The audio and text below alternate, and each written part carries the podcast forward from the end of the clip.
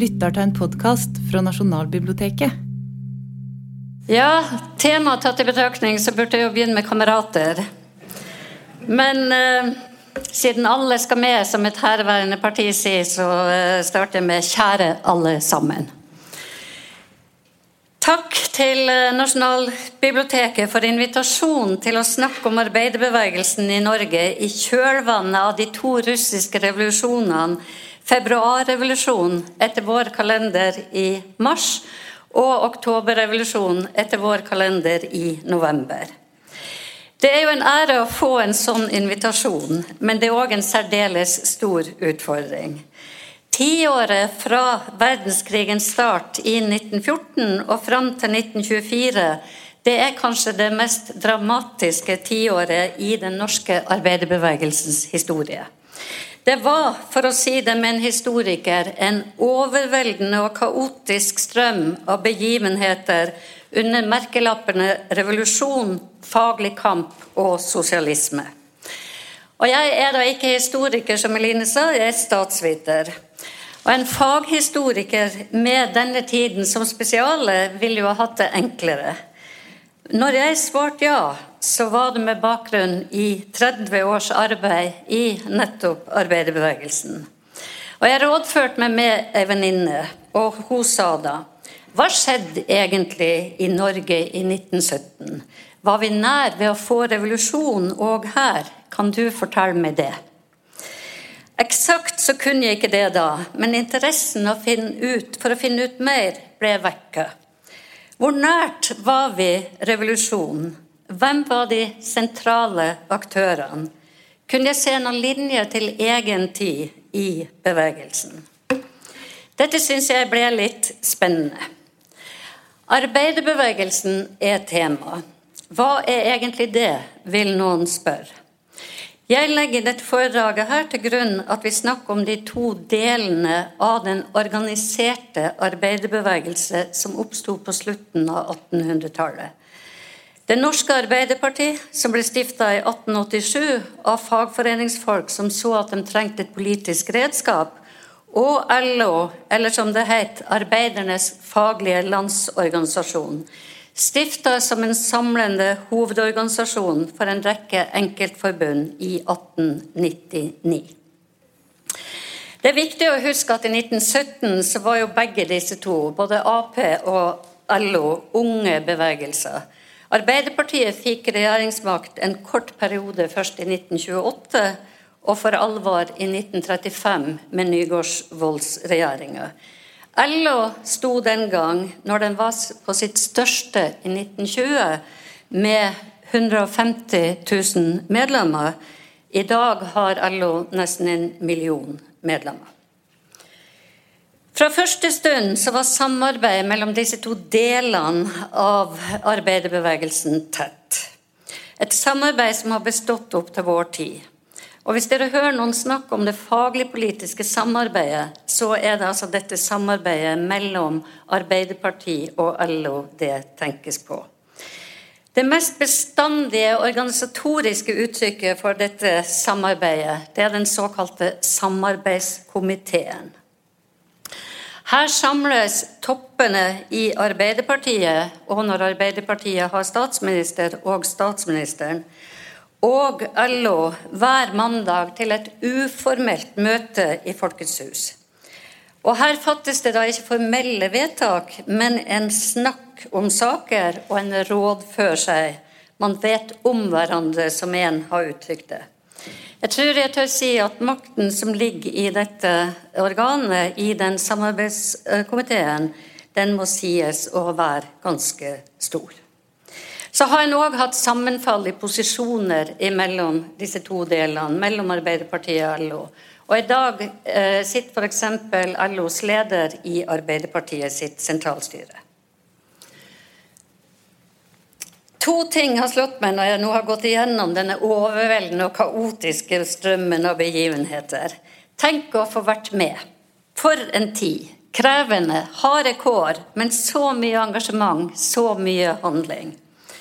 Men når en ikke kunne være med, tenk i hvert fall å ha tid til å gå i arkivene, finne originaldokumentene, les gulnede avissider, protokoller og pusle det hele sammen til historien om det som skjedde.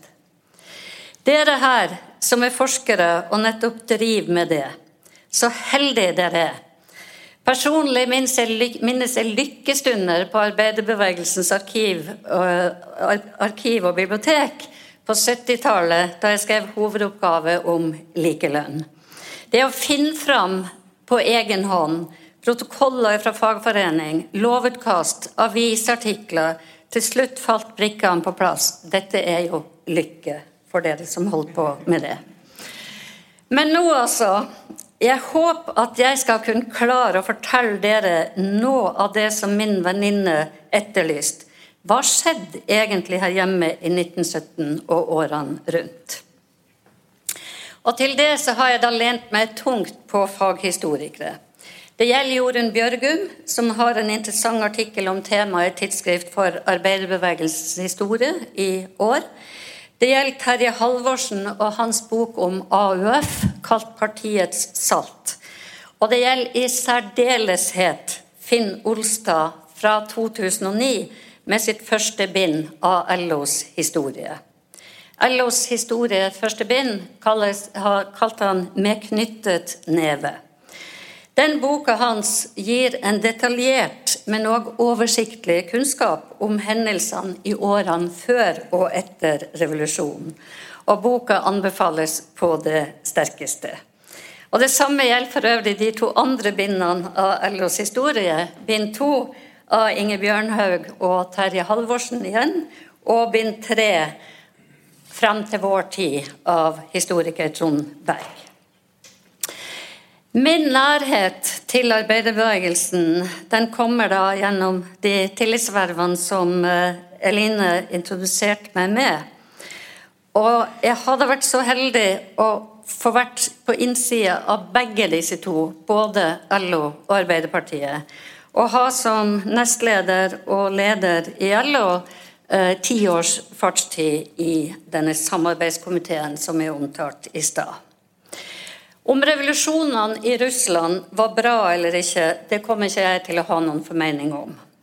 Det er ikke min oppgave her. Og jeg kommer heller ikke til å gå noe særlig inn i det som skjedde. Det regner jeg med er kjent i nødvendig utstrekning. Klarer vi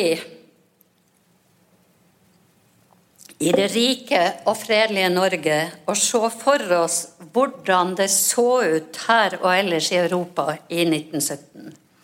Det er jo nemlig helt avgjørende for å forstå det som skjedde. Krigen hadde rast i tre år. Selv om Norge ikke var direkte med, var vi i høyeste grad berørt. Sjøfolk mista livet. Daglig kom det meldinger om barbariet og nedslakting av unge mennesker i en meningsløs krig. Nesten ni millioner soldater mista livet før de siste skyttergravene ble forlatt. Krigen førte ikke bare til død og lemlestelse. Den førte til dyrtid og store trengsler for vanlige folk. Knapphet og matmangel drev opp prisene. Tomme butikkhyller ble mer og mer vanlig. Korn, mel, brød ble rasjonert. Vanlige folk sulta og lei. Men på svartebørsen så kunne de som hadde penger, få tak i det de vil. For det var store forskjeller i dette Norge vi nå går inn i. Det er tida med fattigdom, med sult og med undertrykking. Men det er òg den tida vi bl.a. kjenner fra Johan Falkberges Bør Børson. Den tida hvor det var jobbetid og spekulasjonsøkonomi. Krigen skapte etterspørsel. Norge utnytta det som handelsnasjon. Og jobbetida medførte et prangende luksusforbruk hos de nyrøyke. Den førte òg til at enkelte grupper av arbeidere fikk jobb og lønn, mens andre ikke fikk det. Store forskjeller. Og en tid med store klasseforskjeller, en tid med revolusjon i Russland, og med krigen og militarismen som uhyrlig bakteppe, hva gjorde det med våre formødre og forfedre? Landsfader Gerhardsen, sjøl ung aktivist i disse årene. Han pleide ifølge hans biograf, LO-historiker Finn Olstad, å nærmest føyse bort spørsmålet om de var revolusjonære på den tida. Med et stort smil og et glimt i øyet så kunne han si at jo visst var vi revolusjonære. Det passer seg nok ikke i etterkrigstidas sosialdemokratiske tradisjon å ha Lenin og bolsjevikene som sine idealer, bemerk Olstad tørt. Historikerne syns nemlig å være enige om at det var tidspunkter i disse årene hvor en må snakke om klare revolusjonære framstøt. En kan ha ulike oppfatninger om når det var som mest revolusjonært. Jeg velger å følge da min hovedkilde for dette foredraget, Finn Olstad. Han mener tre tidspunkt. Vår, sommer 1917, senvinter 1918 og forsommeren 1921. Det var da situasjonen var som mest dramatisk. I hele den perioden i årene før og etter 1917 så står to personer fram som de helt sentrale. Den ene med hovedbase i den politiske delen av arbeiderbevegelsen, i Arbeiderpartiet. Den andre med hovedbase i LO. La oss høre på den ene. For Norge og Norden sammen med Norge, og føler som en glede og en stolthet å være fremst i fylkingen når det gjelder å hevde organisasjonens, arbeiderklassens interesser og bære sosialismen til fram i vårt sinn og i vårt samfunn, bære den fram til seier. Ja, Martin Tranmæl, malersvenn, leder av den såkalte fagopposisjonen fra 1911. Bygdegutten som var født i Trøndelag i 1879 og ble en ledende arbeiderpartipolitiker gjennom årtier. Han ble sekretær i Arbeiderpartiet i 1918. Han frasa seg bestemt gjenvalg i 1921, men han ble som redaktør av Sosialdemokraten, forløperen for Arbeiderbladet og Dagsavisen, en av det forrige århundrets mest sentrale politikere. En glitrende retoriker, strateg og taler. Hvem var så den andre sentrale personen i disse dramatiske årene? La oss igjen høre. Fagbevegelsens betydning for arbeiderklassen kan ikke overvurderes. Fagorganisasjonen er for arbeiderne veien til et friere syn og selvstendigere liv. En forskole der skal danne og utvikle arbeidernes tankeevne og dømmekraft. Den skal bringe håpet til å spire i arbeidernes bryst, håp om lysere tider og rettferdigere tilstander. Ja, Martin Tranmæl antar jeg de fleste kjent, men den personen her er nok mer ukjent. Merkelig nok så sentral en rolle som han hadde. Dette er altså Ole O. Lian. Født i 1868 i Tønsberg, typograf av yrke, og han ble LO sin formann i 1906 og forble det til sin død i 1925. Med andre ord mer enn 18 år som LO-sjef. Hvordan var denne Ole Olian? Hvordan snakker han? Trass iherdig leting òg her på eh, Nasjonalbiblioteket, så hadde det ikke vært mulig å finne han på teip. Men hans nylige biograf, historiker Nils Henning Hundtvedt, tidligere en medarbeider av meg både i studentpolitikk og justisministertid, han kommer til unnsetning. Så stemmen dere hørte her, er da hans. Men han har med sin inngående kjennskap til Ole og Lian prøvd å lyde sånn som han antok at Lian ville hørtes ut. Han sitter her i salen. Og Lian han var ifølge Nils Henning en god taler. Han var ideologisk sterk og engasjerende, om ikke like flammende som Martin Tranmæl, som vi hørte i stad. Ole og Lian han leder LO-skuta gjennom vekst, fall, nyorientering, rolige tider og turbulente tider. Tidens tema faglig kamp, revolusjon og sosialisme Ole O. Lian var der. Når jeg har sett skriverier rundt denne, dette, 100-års, denne 100-årsmarkeringen, så er det Martin Tranmøll det skrives om, og ikke Ole O. Lian. Jeg håper at når uh, Nils Henning nå har kommet med sin biografi, at Ole og Lian kan trekkes litt fram fra glemselen. Og når jeg ikke har brukt Nils Henning mer som kilde her i dag, så bunner det i at jeg for seint ble oppmerksom på at biografien var kommet, men jeg gleder meg veldig til å lese den. Martin Tranmæl og Ole O. I den politiske og faglige kampen så handler det selvsagt ikke om to enkeltpersoner. Det handler om de tusener på tusener av vanlige mennesker, tillitsvalgte, aktivister, politikere. Men disse to, Martin Tranmæl og Ole Olian, står fram som bautaer i politikkens kraftsentrum. Bautaer som i kraft av sine posisjoner men ikke minst personligheter, spilte en avgjørende rolle i en dramatisk tid for arbeiderbevegelsen og for Norge.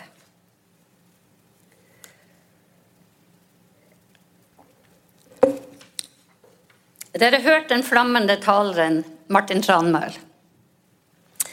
Og da meldingen om februarrevolusjonen kom, altså i mars, så var Martin Tranmæl på agitasjonsturné for fagopposisjon og den såkalte nye retning. Nye retning det var fagopposisjon samt de radikale delene av Arbeiderpartiet sitt ungdomsforbund. Martin Tranmæl sine taler var intens i utgangspunktet. Nå, når revolusjonsmeldingen kom fra Russland, ble de enda sterkere, enda mer intens, enda mer begeistra. Fullsatte hus kunne høre han kreve handling. Hva nøler de etter? Nå er tiden inne til å kaste åket over bord, til å få slutt på dyrtid, til å knekke militarismen og utsugerne, styrte kapitalismen og innføre sosialismen. Russland hadde jo klart det. Det forhatte tsarveldet var borte. Vi må styrte våre undertrykkere. Vi må gå til masseaksjon. Vi må gå til generalstreik. Generalstreiken der alle næringer, alle vitale områder som post, tele, bane, alle måtte med. Masseaksjonene, generalstreiken, vil lamme samfunnet. Et nytt samfunn vil oppstå på ruinene av det gamle. Når Martin Tranmæl ropte på handling og mente at det var for mye nøling, så ropte han mot Arbeiderpartiet og LOs ledelse, og òg da mot Ole Olian, som nå hadde sittet hele elleve år ved roret i tøffe tider i LO forut for 1917. Martin Tranmæl mente at det måtte innkalles en såkalt arbeiderkongress. En kongress som var på sida av det etablerte systemet i LO og Arbeiderpartiet med kongresser, sine kongresser og landsmøter. Og en generalstreik måtte til. Regjeringa måtte presses til å skaffe folk nok mat og brensel gjennom reguleringer, produksjonstvang og om nødvendig ekspropriasjon av bedrifter som ikke sjøl ville produsere de nødvendige varene. Generalstreiken og arbeiderkongressen skulle være ledd i den revolusjonære prosessen, ifølge Martin Tranmæl. Alle og LOs og Aps ledelse, Ap-leder var da Christian Holtemann Knutsen, de skjønte at noe måtte gjøres. Og 6.6 så ble det derfor arrangert en demonstrasjon som samla bare her i Kristiania 40 000 deltakere og 300 000 i landet som helhet. Og det var overveldende. Det var en folkereisning mot dyrtid. Dyrtidsaksjonen ble den senere eh, benevnt som. Og i, dette var altså 6. juni. I forkant til 24. mai så hadde 7000 jernarbeidere i Oslo under ledelse av den unge, radikale montøren Sigurd Simensen spontant lagt ned arbeidet og marsjert til Stortinget med vidtrekkende krav mot dyrtid. Virkelig Det syda og det kokt. Raseriet mot nøden og urettferdigheten vokste. Aksjonsdagene 24. mai og 6. juni var en suksess. Men Martin Tranmæl ville videre. Nå måtte arbeiderkongressen, den alminnelige arbeiderkongressen, innkalles. Men ville LO-sjef Ole Olian innkalle en alminnelig arbeiderkongress, ville han ha generalstreik. I mai, før den store dyrtidsdemonstrasjonen, så hadde ledelsen i LO og Arbeiderpartiet gått med på å planlegge en arbeiderkongress. Og ordet generalstreik hadde òg vært nevnt. Martin Tranmæl og hans folk hadde insistert på det. 10. juli gravla LO og Arbeiderpartiets daværende ledelse arbeiderkongressen. Mange av dyrtidskravene som de hadde hatt, var blitt imøtekommet av myndighetene. LO skulle avholde en ekstraordinær kongress til høsten. Det var unødvendig med en arbeiderkongress i tillegg. Både dyrtida og andre brennende spørsmål kunne tas opp der. Generalstreik var heller ikke aktuelt. Martin Tranmæl raste. Dette var svik, det var feighet, det var løftebrudd. Saken ble tatt opp på en fagopposisjonssamling i Trondheim i Olsokhelga 29.07.1917 med sterke krav til LO og Arbeiderpartiet om å avholde en alminnelig arbeiderkongress. Og vil ikke de gjøre det, så skulle opposisjonen sjøl sørge for innkalling. I vedtakene lå det anbefalinger om militærstreik, det lå anbefalinger om opprettelse av organer og komiteer utenom LO og de to hoved, utenom LO og Arbeiderpartiet. LO og Arbeiderpartiledelsen svarte med det Jorunn Bjørgum kaller en regelrett bannbulle. 10.8 så sendte LO og Arbeiderpartiet brev til alle landets fagforeninger og partilag og ba dem om ikke å støtte opp om Trondheimsmøtet sitt vedtak. Vedtakene var nemlig etter deres syn illojal mot partiet og LO Militærstreik og avvæpning oppfordra til utenomparlamentarisk aksjon.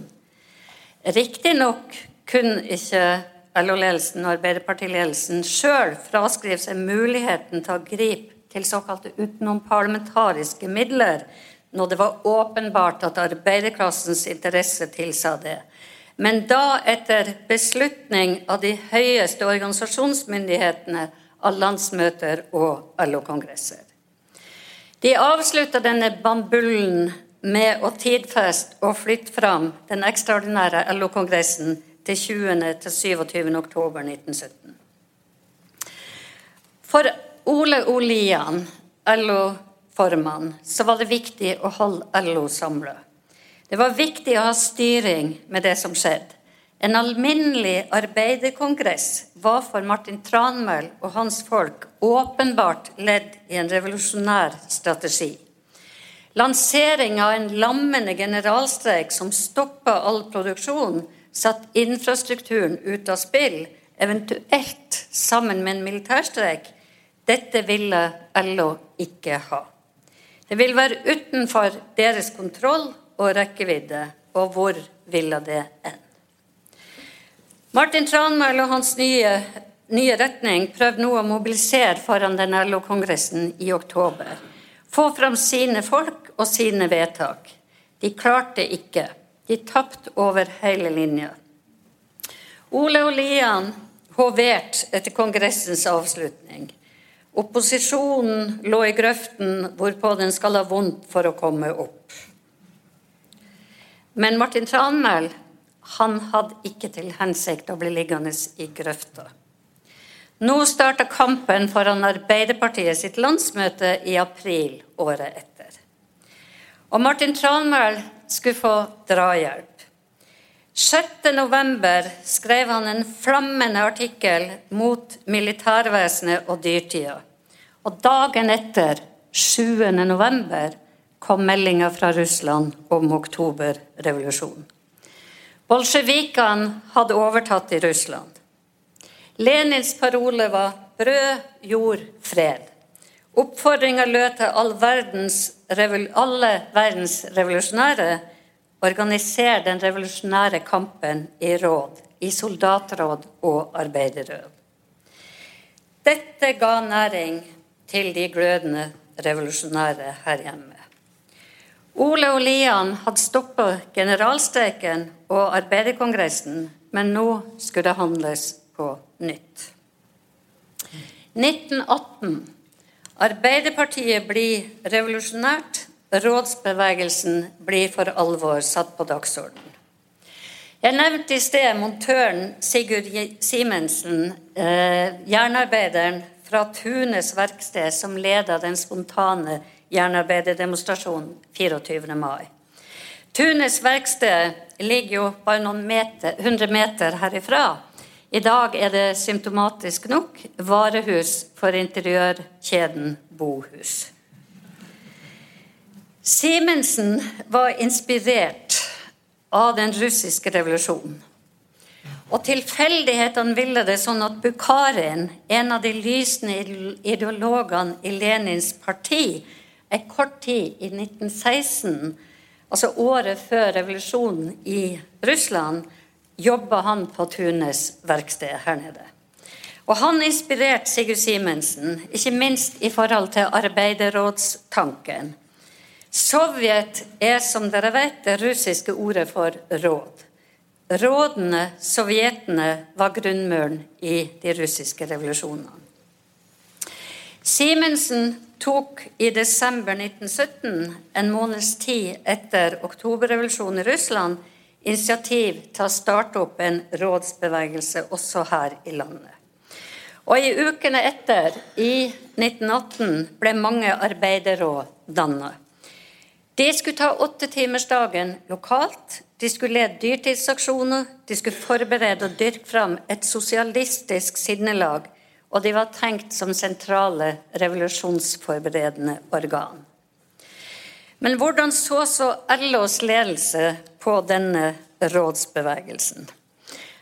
Og her vil jeg faktisk sitere i lengde fra et skriv som den norske LO-lederen sendte til svensk og dansk LO 6.3.1918 mens arbeiderrådsbevegelsen vokste.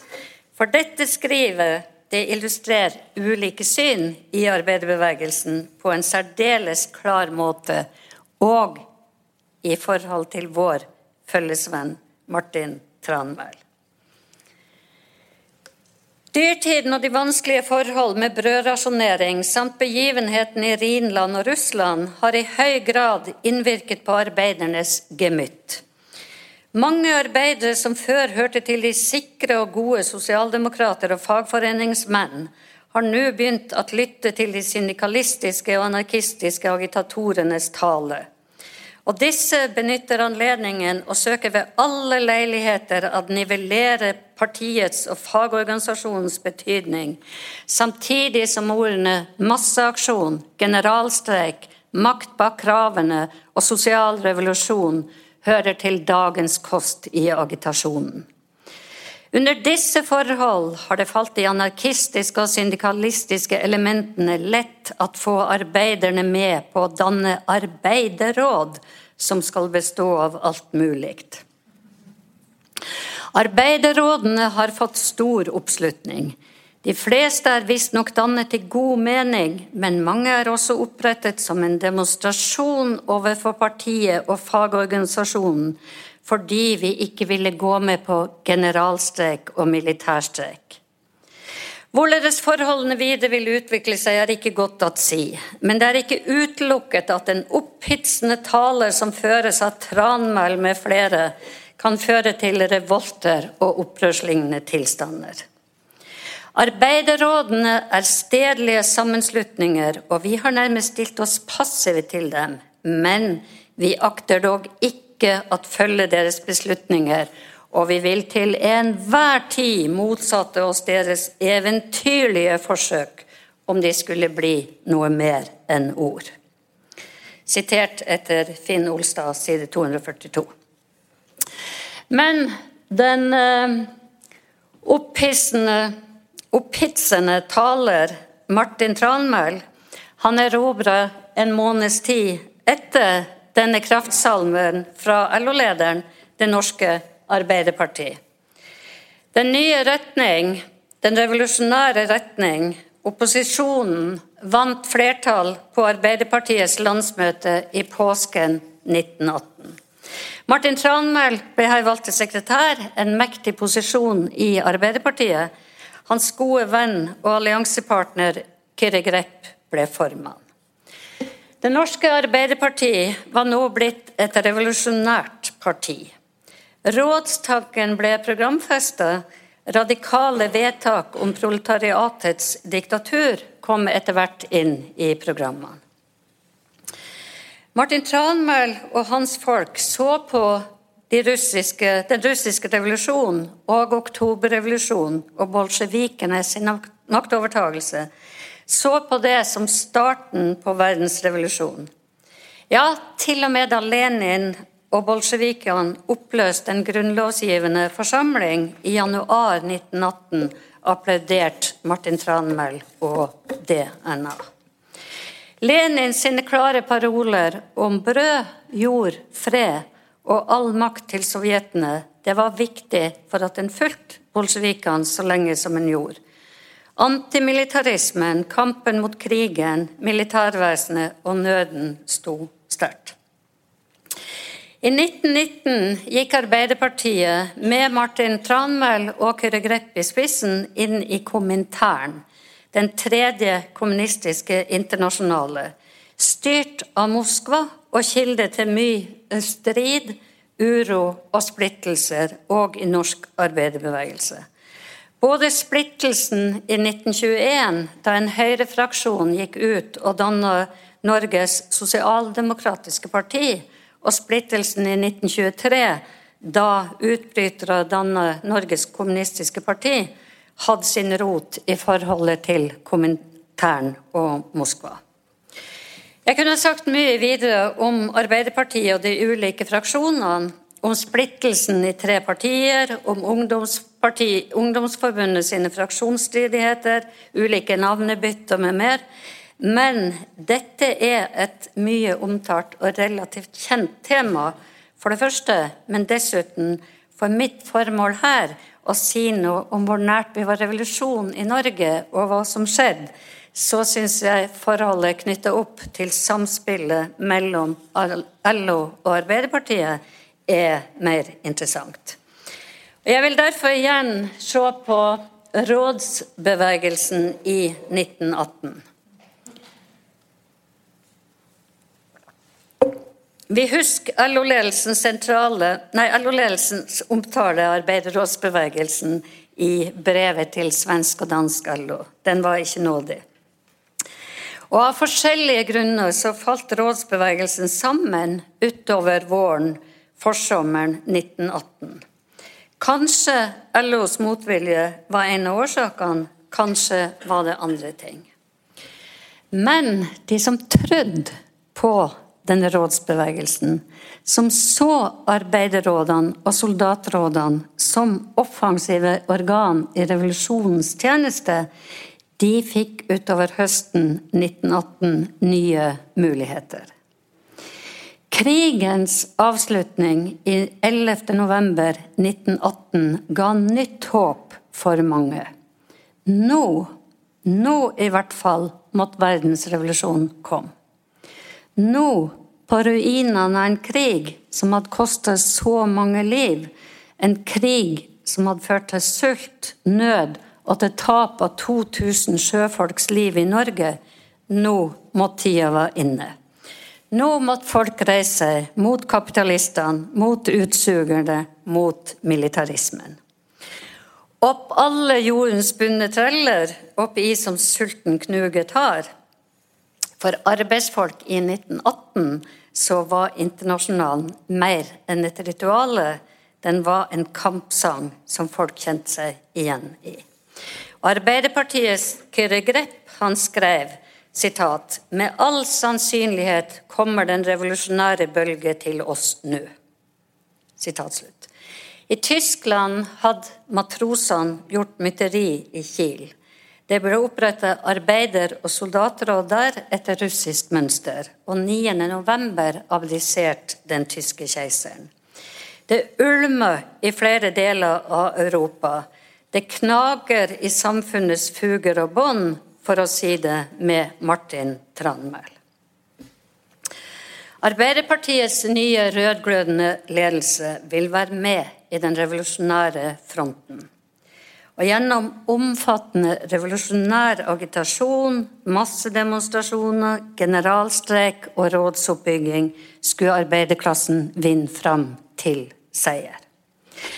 Og den 15. november, fire dager etter verdenskrigens slutt, så utforma Kyrre Grepp og Martin Tranmæl et oppråd som oppfordrer til dannelse av arbeider- og soldatråd råd som kunne være parat til å tre i virksomhet i by og bygd.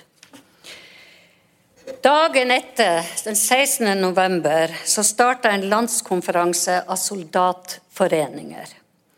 I vedtakene herfra heter det at soldatforeninger i en kommende revolusjonær situasjon måtte samarbeide med arbeiderrådene. Oppgaven måtte i første omgang være å hindre militær maktbruk mot revolusjonære arbeidere, men det kunne bli nødvendig å gå lenger hvis den herskende klasse satte inn svarte garder, som det het. Og så ba soldatkonferansen alle norske radikale soldater husk på sitat. Tusener av slitte kvinner og menn retter i dag sitt blikk på deg. Det er ved din sterke arm de venter sin befrielse. Slutt. Opprop med oppfordring til å danne arbeiderråd, soldater organisere seg, står revolusjonen nå i november 1918 for døra. Ole og Lian slår i bordet. Soldatkonferansen var slutt 17.11. To dager etter så sendte LO-lederen brev til Arbeiderpartiets ledelse rett over torget. Og Her skriver han at han erfarer at partiets ledelse har tenkt å sende ut et opprop, et sirkulære, med oppfordring til å danne arbeiderråd. Han foreslår en konferanse på LO-lederens kontor den påfølgende dag. Og han vil anmode om at sentralstyret ikke utsender sirkulære før denne konferanse er avholdt. Oppropet, eller sirkulæret, ble aldri sendt ut. Ifølge min hovedkilde Finn Olstad så foretok Kyrre Grepp full retrett på LO-lederens kontor 20.11.1918. Altså nesten på dagen 99 år siden i dag. Finn Olstad skriver at Kyrre Grepp hadde knapt noe annet valg. Revolusjonen i Tyskland var gått i stå, og stilt overfor LOs motstand og LO-lederens truende blikk ble oppropet skrinlagt. Det hele endte med at partiledelsen og LO-ledelsen isteden sendte ut et felles manifest i slutten av november 1918. Et manifest med en rekke sterke krav bl.a. om åttetimersdagen, sosialisering av industrien, avvikling av militærvesenet, men hvor selve stridspunktet, arbeiderrådene, hadde en langt mer nedtonet plass enn i det sirkulære partiledelsen med Martin Tranmæl og Kyrre Grepp hadde tenkt å sende ut. Ole Olian hadde igjen satt foten ned og fungert som en modererende kraft på de utålmodige revolusjonære kadrene i parti og fagopposisjon. Men betød det at den revolusjonære bevegelsen var død og begravet? Nei. Tida tillater ikke at jeg går i detalj inn i de hendelsene de påfølgende år. Men kortversjonen kan være at vinteren 1918 var en urolig tid. Daglig kom det meldinger om streiker, uro og oppstander i Europa. Også Norge var preget av det. Det var lovlige og ulovlige streiker, det var demonstrasjoner, og det var sammenstøt. Fagopposisjonens folk besatt ikke bare ledende posisjoner i Arbeiderpartiet, de hadde òg rykka inn i store LO-forbund. Tariffoppgjørene i 1919 og 1920 ble overraskende gode. Etter krigsavslutninga kom det en kraftig oppgangskonjunktur. Gjenreisinga var på gang. Det kan forklare noe av utfallene i tariffoppgjørene i 1918, 1919 og våren 1920. Og LO stilte offensive og tøffe krav. Krakket det kom på ettersommeren 1920. Da begynte nedgangen for alvor med massearbeidsledighet og tunge tider. Politisk holdt Ap seg revolusjonært.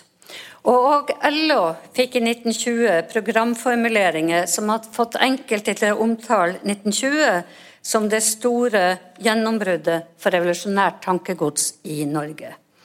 Men min hovedkilde, igjen historiker Olstad, mener at dette var på papiret. Det hadde liten betydning i praksis. Ole Olian var ubestridt leder, og hans praksis i LO var avgjørende ikke enkelte programformuleringer. Derimot mener Olstad og andre historikere at forsommeren 1921, med en meget omfattende streik, storstreiken, hadde revolusjonære anstrøk. Streiken hadde for mange et dobbelt formål.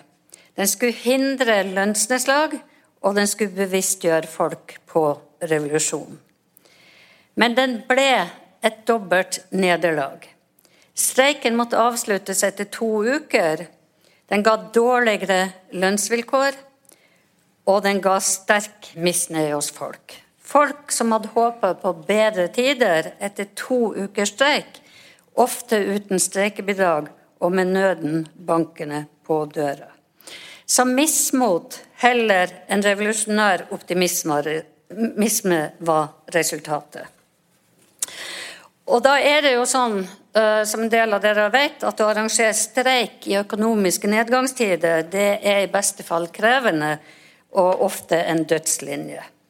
Arbeidsgiverne var under storstreiken i 1921 i mange tilfeller bare glad for streiken. Da slapp de å betale lønn. Streikebidragene til streikene stoppa opp, forbundene hadde ikke råd til det. Og arbeidsgiverne nølte med å ta inn folk igjen etter streiken. De skulle få steik i sitt eget fett.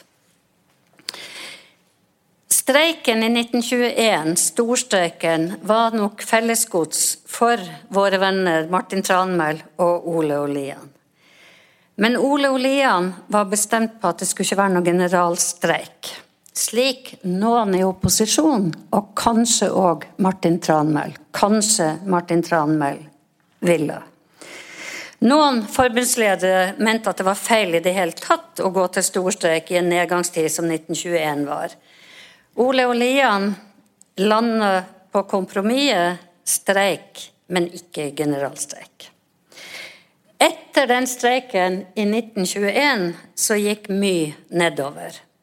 LO fikk halvert sitt medlemstall, hele forbund falt ifra, og arbeidsledige medlemmer meldte seg ut.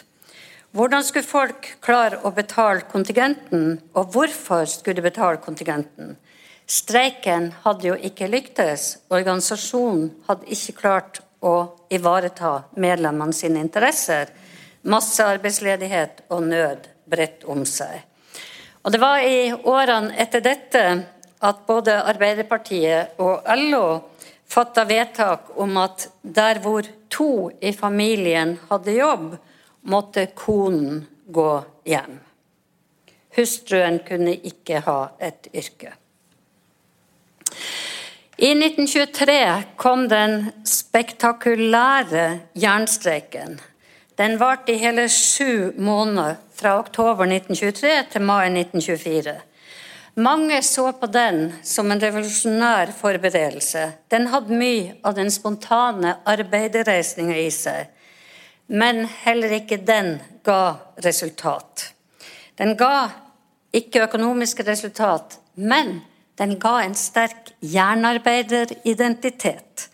Den ga stolthet, en stolthet du finner igjen òg i dag.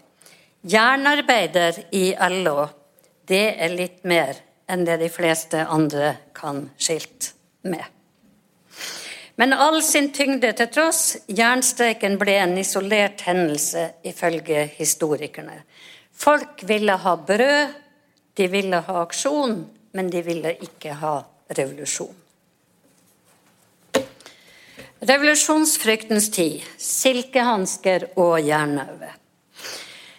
Så langt er det i det foredraget her, så har jeg konsentrert meg om de ulike valgene som arbeiderbevegelsens menn tok. Hvilke konsekvenser det hadde for organisering, hvilke konsekvenser det hadde for kampkraft. I parentes bemerka jeg har dessverre funnet få kvinner. De var med, de gjorde seg gjeldende, jf. den legendariske fyrstikkarbeiderstreiken i 1889. Men her i toppen av LO og Arbeiderpartiet så har jeg ikke funnet dem. Men hva betød her hendelsene for vanlige folks livsvilkår? Hvilke svar ga samfunnet, arbeidsgivere og stat til den fremadstormende arbeiderklassen. Tariffoppgjørene i 1919 og 1920 var, som jeg allerede nevnt, god for vanlige folk. En del av det må altså forklares med gode konjunkturer, spesielt kanskje 1919-oppgjøret. Men det var noe mer. For hvorfor nærmest ga arbeids, arbeidsgiverne ved dørene i 1919? Jo, arbeidsgivernes leder, Lars Rasmussen, han forklarte sine medlemmer dette rett etter oppgjøret i mai 1919 var over. Da sa han sitat Dere, det gjaldt om å bevare arbeidsfreden. Det var vårt bidrag til å forhindre at det kom samfunnsomveltninger som kunne lede til ting vi ikke hadde oversikt over. Vi måtte være rundhåndet for å unngå å gi de bolsjevikiske tendenser en rik jordbunn at vokse og slå seg fast i. Arbeidsgiverne mente at revolusjonstrusselen var over i 1919, så de var overhodet ikke medgjørlige ved neste års tariffoppgjør. Partene sto da steilt imot hverandre, og det endte med tvungen voldgift. Dvs. Si at statlige utnevnte dommere går inn og bestemmer hva resultatet skal være. Men òg i 1920, da ved voldgiftsdommen, så ble det et veldig godt resultat. Det ble økte lønninger, det ble enda lengre ferie enn man har fått i 1919. Og mine historikervenner forklarer mye av det med at sjøl om revolusjonsfrykten var borte hos arbeidsgiverne, så var den stadig til stede hos myndighetene. Arbeiderne måtte stagges og blidgjøres. Det kanskje fremste revolusjonsforebyggende tiltaket, hvis vi skal kalle det både her hjemme og ute, det var åttetimersdagen. Åttetimersdagen ble virkelighet på mange arbeidsplasser her i 1918, men i 1919 ble åttetimersdagen lovfesta hos oss. Kravet som hadde vært selve grunnlaget for innføringen av 1. mai-feiringen, det var nå virkelighet. Åtte timer arbeid, åtte timer fri, åtte timer hvile. En drøm var gått i oppfyllelse. Og myndighetene ga òg andre innrømmelser. Valgsystemet ble gjort mer rettferdig, noe som spesielt kom Arbeiderpartiet til gode. Grupper som tidligere ikke hadde stemmerett Vi husker at kvinner fikk det i 1913, men fortsatt hadde fattigunderstøttede og tidligere innsatte ikke stemmerett, men de fikk det nå. Og så Stortinget vedtok å nedsette en arbeiderkommisjon i 1918. Den skulle se på en framtidig utvikling av bedriftsdemokratiet. Det var meget viktig for LO-leder Ole O. Lian, som så på dette som en vei til sosialisme. Å begrense arbeidsgivernes styringsrett det var et av datidens store spørsmål. Og så til slutt dyrtidskravene ble imøtekommet et stykke på vei gjennom økte bevilgninger og sterkere reguleringer. Men staten måtte forberede seg på kamp. Ingen visste hva som kunne skje. Og mens arbeiderrådsbevegelsen vokste i 1918, så satte regjeringa ned en sikkerhetskomité. Det kom en periode med intensivert overvåking, husundersøkelser, postsensur, bruk av infiltratører på møter. Militæret ble styrka. Ved siden av den vanlige vernepliktshæren så ble det opprettet spesielle sikkerhetsstyrker. Geværer ble gjort ubrukelige, sluttstykker ble tatt ut. Revolusjonære arbeidere skulle ikke få tilgang på våpen ved å storme militære depoter. Sensuren var omfattende. Vår venn Martin Tranmæl avslørte postsensuren da han i 1918 sørga for å få et brev fra ungdomslaget i Hummelvika, der Nygardsvold eh, var. Et brev som omtalte et kommende møte hvor de skulle kamuflere flytting og lagring av våpen. Martin Tranmæl ble arrestert, men i retten så kunne han avsløre det som den store bløffen det var. Men lista over overvåkede personer, den var lang. Einar og Rolf Gerhardsen var der. Einar Gerhardsen ble i overvåkingens rapporter kalt en meget ivrig bolsjevik. Og den legendariske Gerhardsen-hytta i Bærum med det fredelige navnet Kristi rolighet, den ble omtalt som bolsjevik-hytten. Og på lista over farlige unge menn så finner vi Konrad Nordahl, senere mangeårig LO-leder, Trygve Lie, Trond Hegna, Arne Påske Aasen, for å nevne noen av de mest kjente. Frykten for generalstreik og frykten for våpen hos de revolusjonære var statsmaktens begrunnelse for ganske vidtrekkende tiltak. Men fantes det noe våpen? Terje Halvorsen, AUF og LO-historikeren, skriver at hos de unge revolusjonære som befant seg på overvåkingslistene, var det antagelig lite våpen å finne. Antagelig mest pistoler, egnet til selvforsvar, ikke til å nedkjempe militære enheter.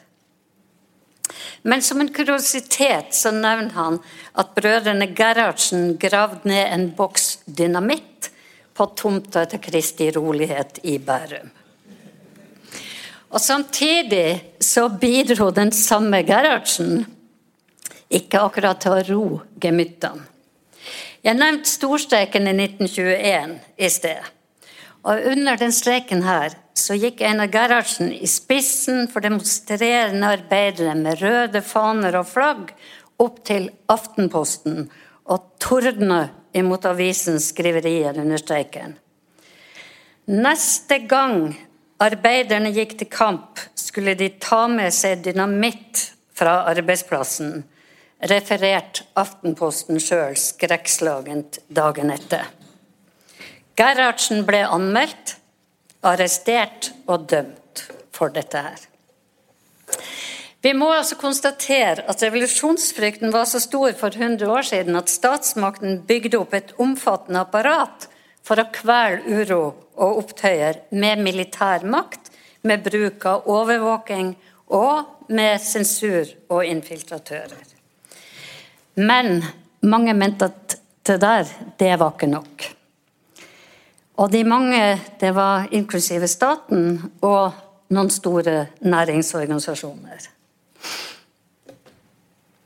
Så i 1920 så ble det etablert en organisasjon til borgersamfunnets nødverge. En mørkeblå offiser, rittmester Kristoffer Fogner, startet oppbyggingen av en organisasjon som skulle holde hjulene i gang ved streiker og andre arbeidskamper. Det endelige navnet ble Norges Samfunnshjelp, formelt opprettet privat, men med støtte fra regjeringen. Samfunnshjelpen kunne nemlig bare innkalles av myndighetene, og når de var i aksjon, så skulle de få nødvendig beskyttelse av politi eller militære styrker. En statlig understøtta streikebryterorganisasjon. Få ting kunne provosere mer enn streikebryteri. Sånn var det, og sånn er det. Han, en kunngjøring dette er en kunngjøring som sto i Arbeiderbladet i 1924. Hans Sæter, elektriker, kjører kran i Grønlia. Denne streikebryter går over Jernbanetorvet mellom halv åtte åtte hver morgen. Kristiania Transportarbeiderforenings streikekomité. Hva som skjedde med streikebryter Sæter, vet jeg ikke, men hvor forhatt de var, det viser denne annonsen. Og det kom mange konfrontasjoner mellom samfunnshjelpen og arbeiderne. Og disse konfrontasjonene ble en del av de mange harde kampene som var på den tida der. Og på sitt meste så hadde Samfunnshjelpen 30 000 medlemmer. De ble, det var en organisasjon som ble forhatt, den ble utskjelt, og den ble latterliggjort. Men Aftenposten var òg her på banen. Under en streik i Bergen i august 1920 så ildna Aftenposten samfunnshjelpen til handling mot disse ansvarsløse streikende arbeidere. La samfunnsødeleggerne komme. Deres attentat på samfunnet vil bli, slået, vil bli slået ned. De skal få føle at borgersamfunnet har makt og midler det skal samfunnshjelpen vise dem. Aftenposten 5. august 1920. Revolusjon, sosialisme, kommunisme, reformisme. Hva ville de? Til nå så har jeg friskt brukt ordene sosialisme, revolusjon, kommunisme. Men hva ligger i de begrepene, og hva slags samfunn så arbeiderbevegelsen for seg og ikke minst, hvordan var veien dit? Tida tillater ikke at det utbroderes, men vi kan kort slå fast at uansett fraksjon, så var det enighet om at samfunnet måtte endres radikalt. Martin Tranmæl brennemerka etter LO-kongressen i oktober 1917 Ole og Lian som reformist. Ole og Lian ble oppbrakt. Aldri har jeg vel sett slik misbruk av ord reformist. Vi vil jo omdanne samfunnet i sosialistisk retning, og enhver omdannelse i sosialistisk retning, det er revolusjon.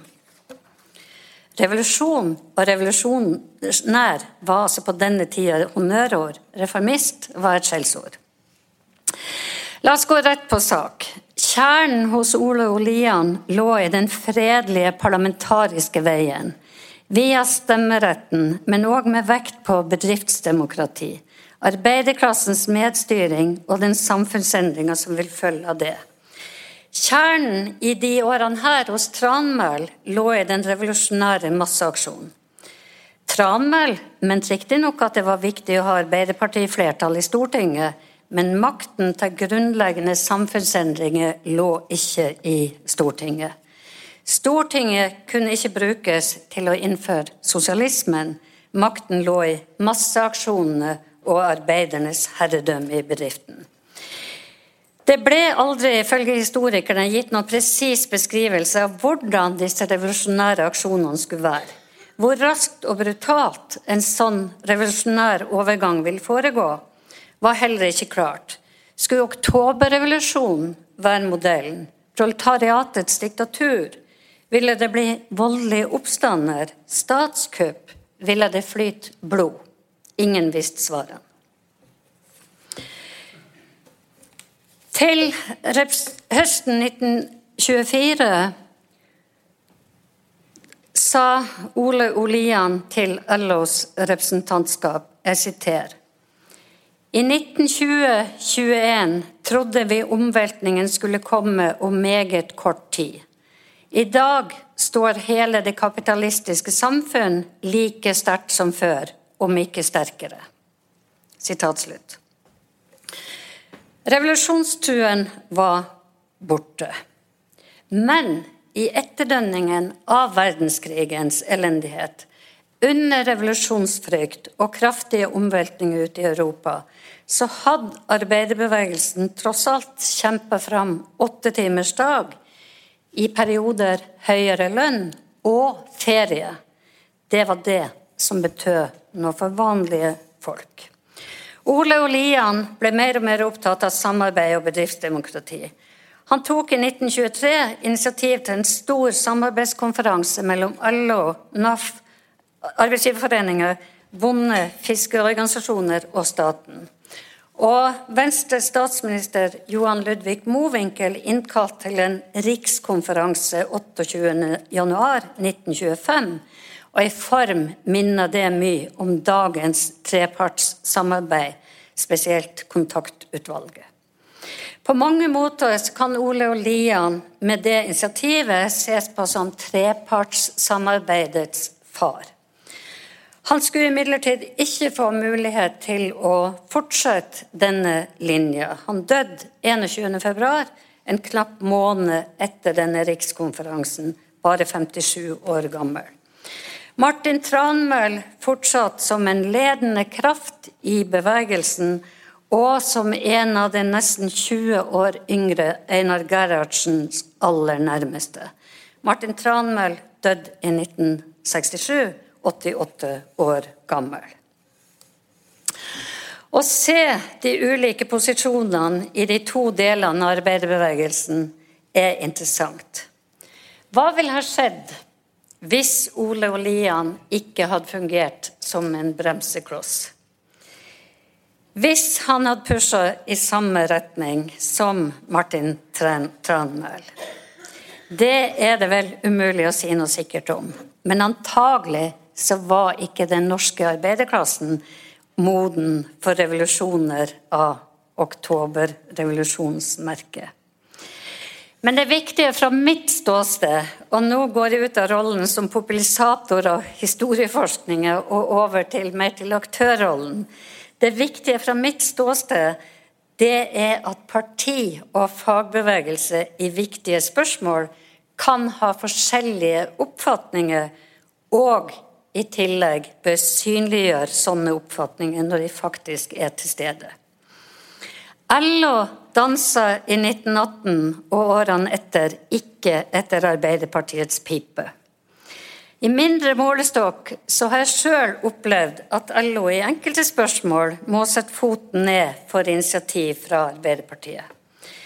Arbeiderpartiet gjorde sitt dårligste stortingsvalg siden mellomkrigstida under Jens Stoltenbergs første regjering i 2001.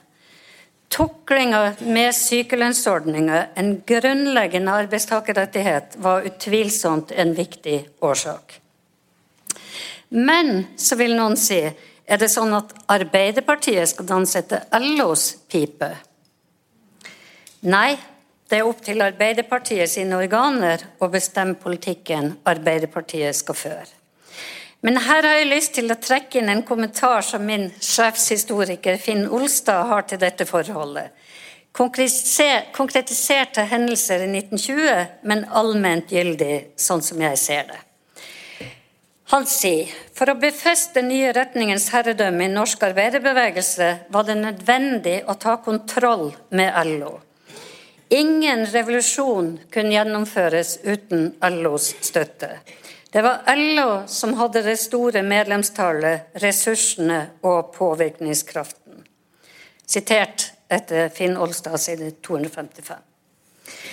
En vårkveld i 1993 så satt jeg sammen med Gro Harlem Brundtland på statsministerens kontor og reflekterte rundt det faglig-politiske samarbeidet. Akkurat da var det harde tak mellom Gro og Yngve Haagensen. På spørsmål om det ville vært enklere for hun og Ap å kutte disse båndene til LO, så svarte hun i så fall vil Arbeiderpartiet bli et helt annet parti. Det er de tusener på tusener av lytteposter i LO som gjør Arbeiderpartiet til det partiet Arbeiderpartiet er.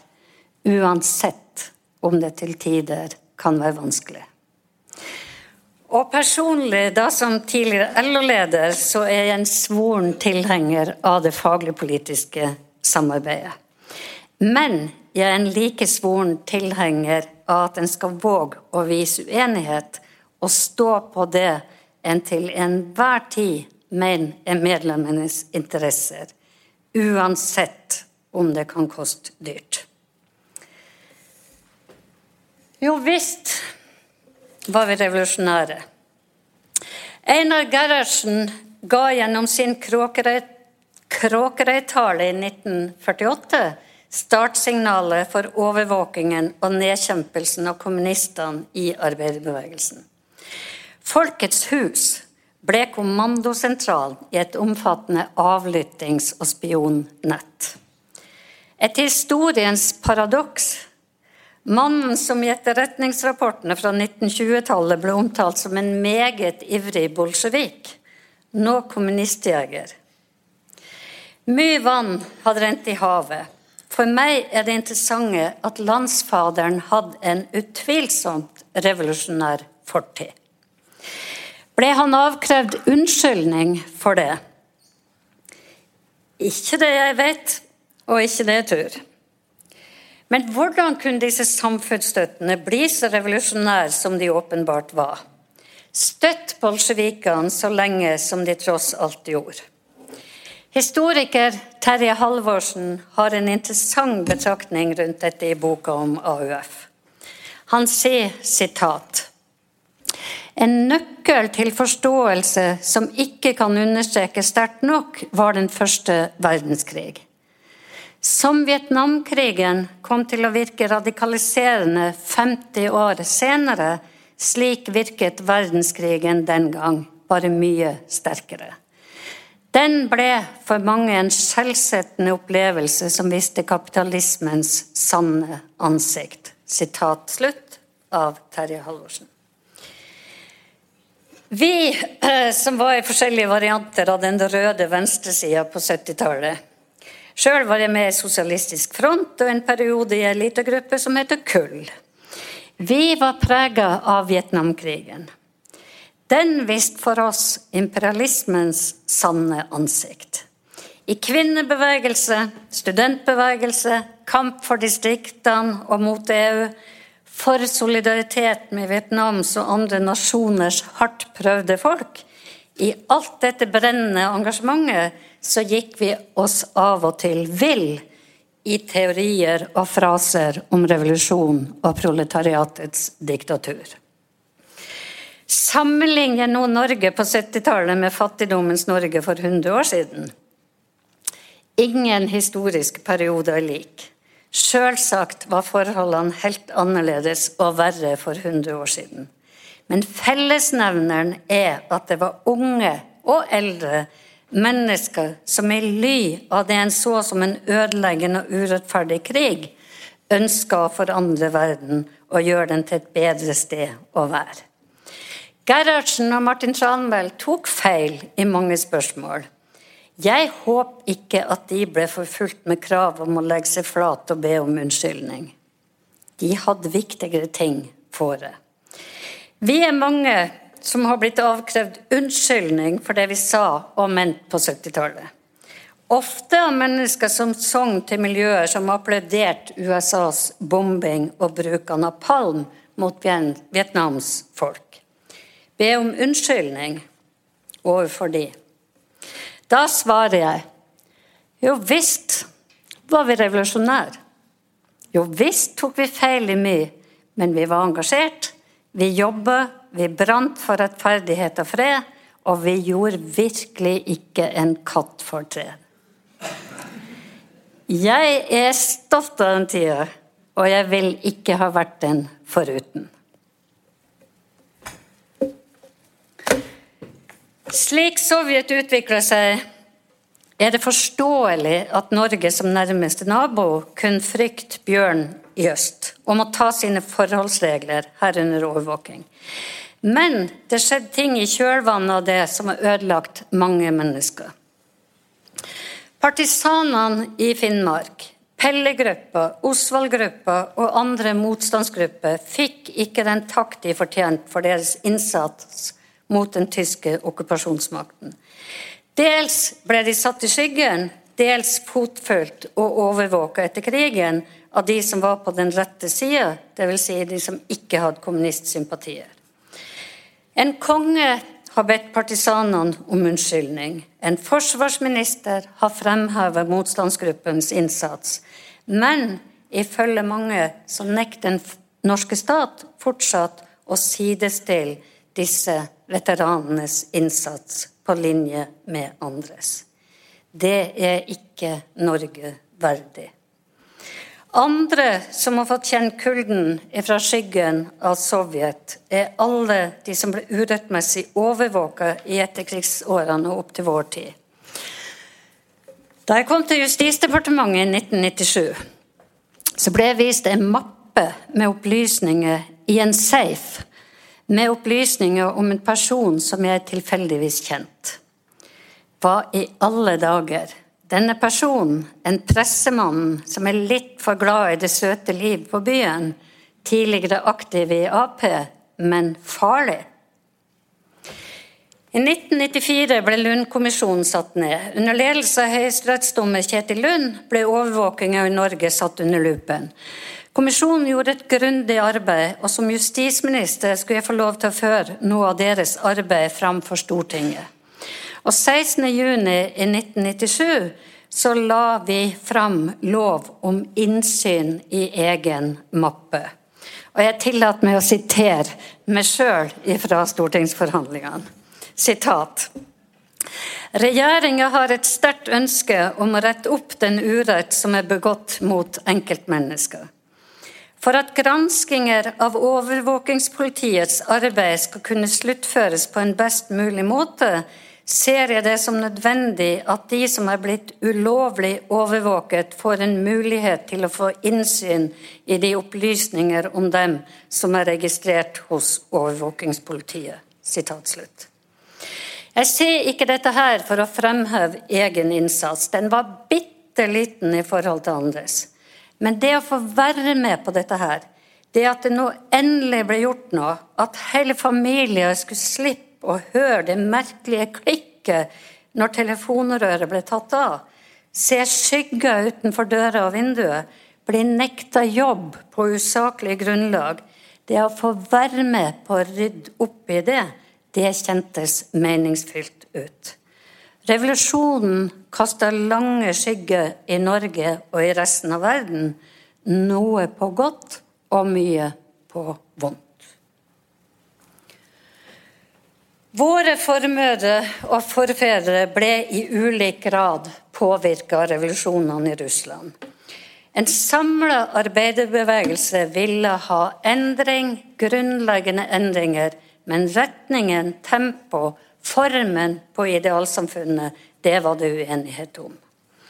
Trass i interne stridigheter og splittelser, så ble bevegelsen igjen samla og ble den sterke kraften i gjenreisningen etter andre verdenskrig. Planøkonomisk tenkning, velferdsstat, trepartssamarbeid, arbeid til alle. Vil noe av dette ha sett annerledes ut uten revolusjonsåret og påvirkninger fra Russland? Gode venner, det fasitsvaret på det, det fins nok ikke. Det viktige må uansett være at vi, som de som gikk foran oss, tar fatt i vår tids utfordringer, sånn som de tok fatt i sin.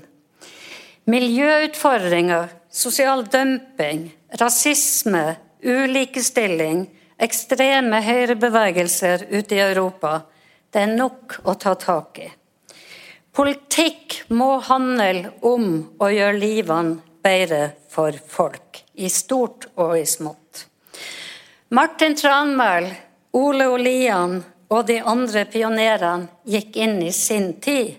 Vi må gå inn i vår. Det skylder vi dem, og det skylder vi de som kommer etter oss. Takk for oppmerksomheten.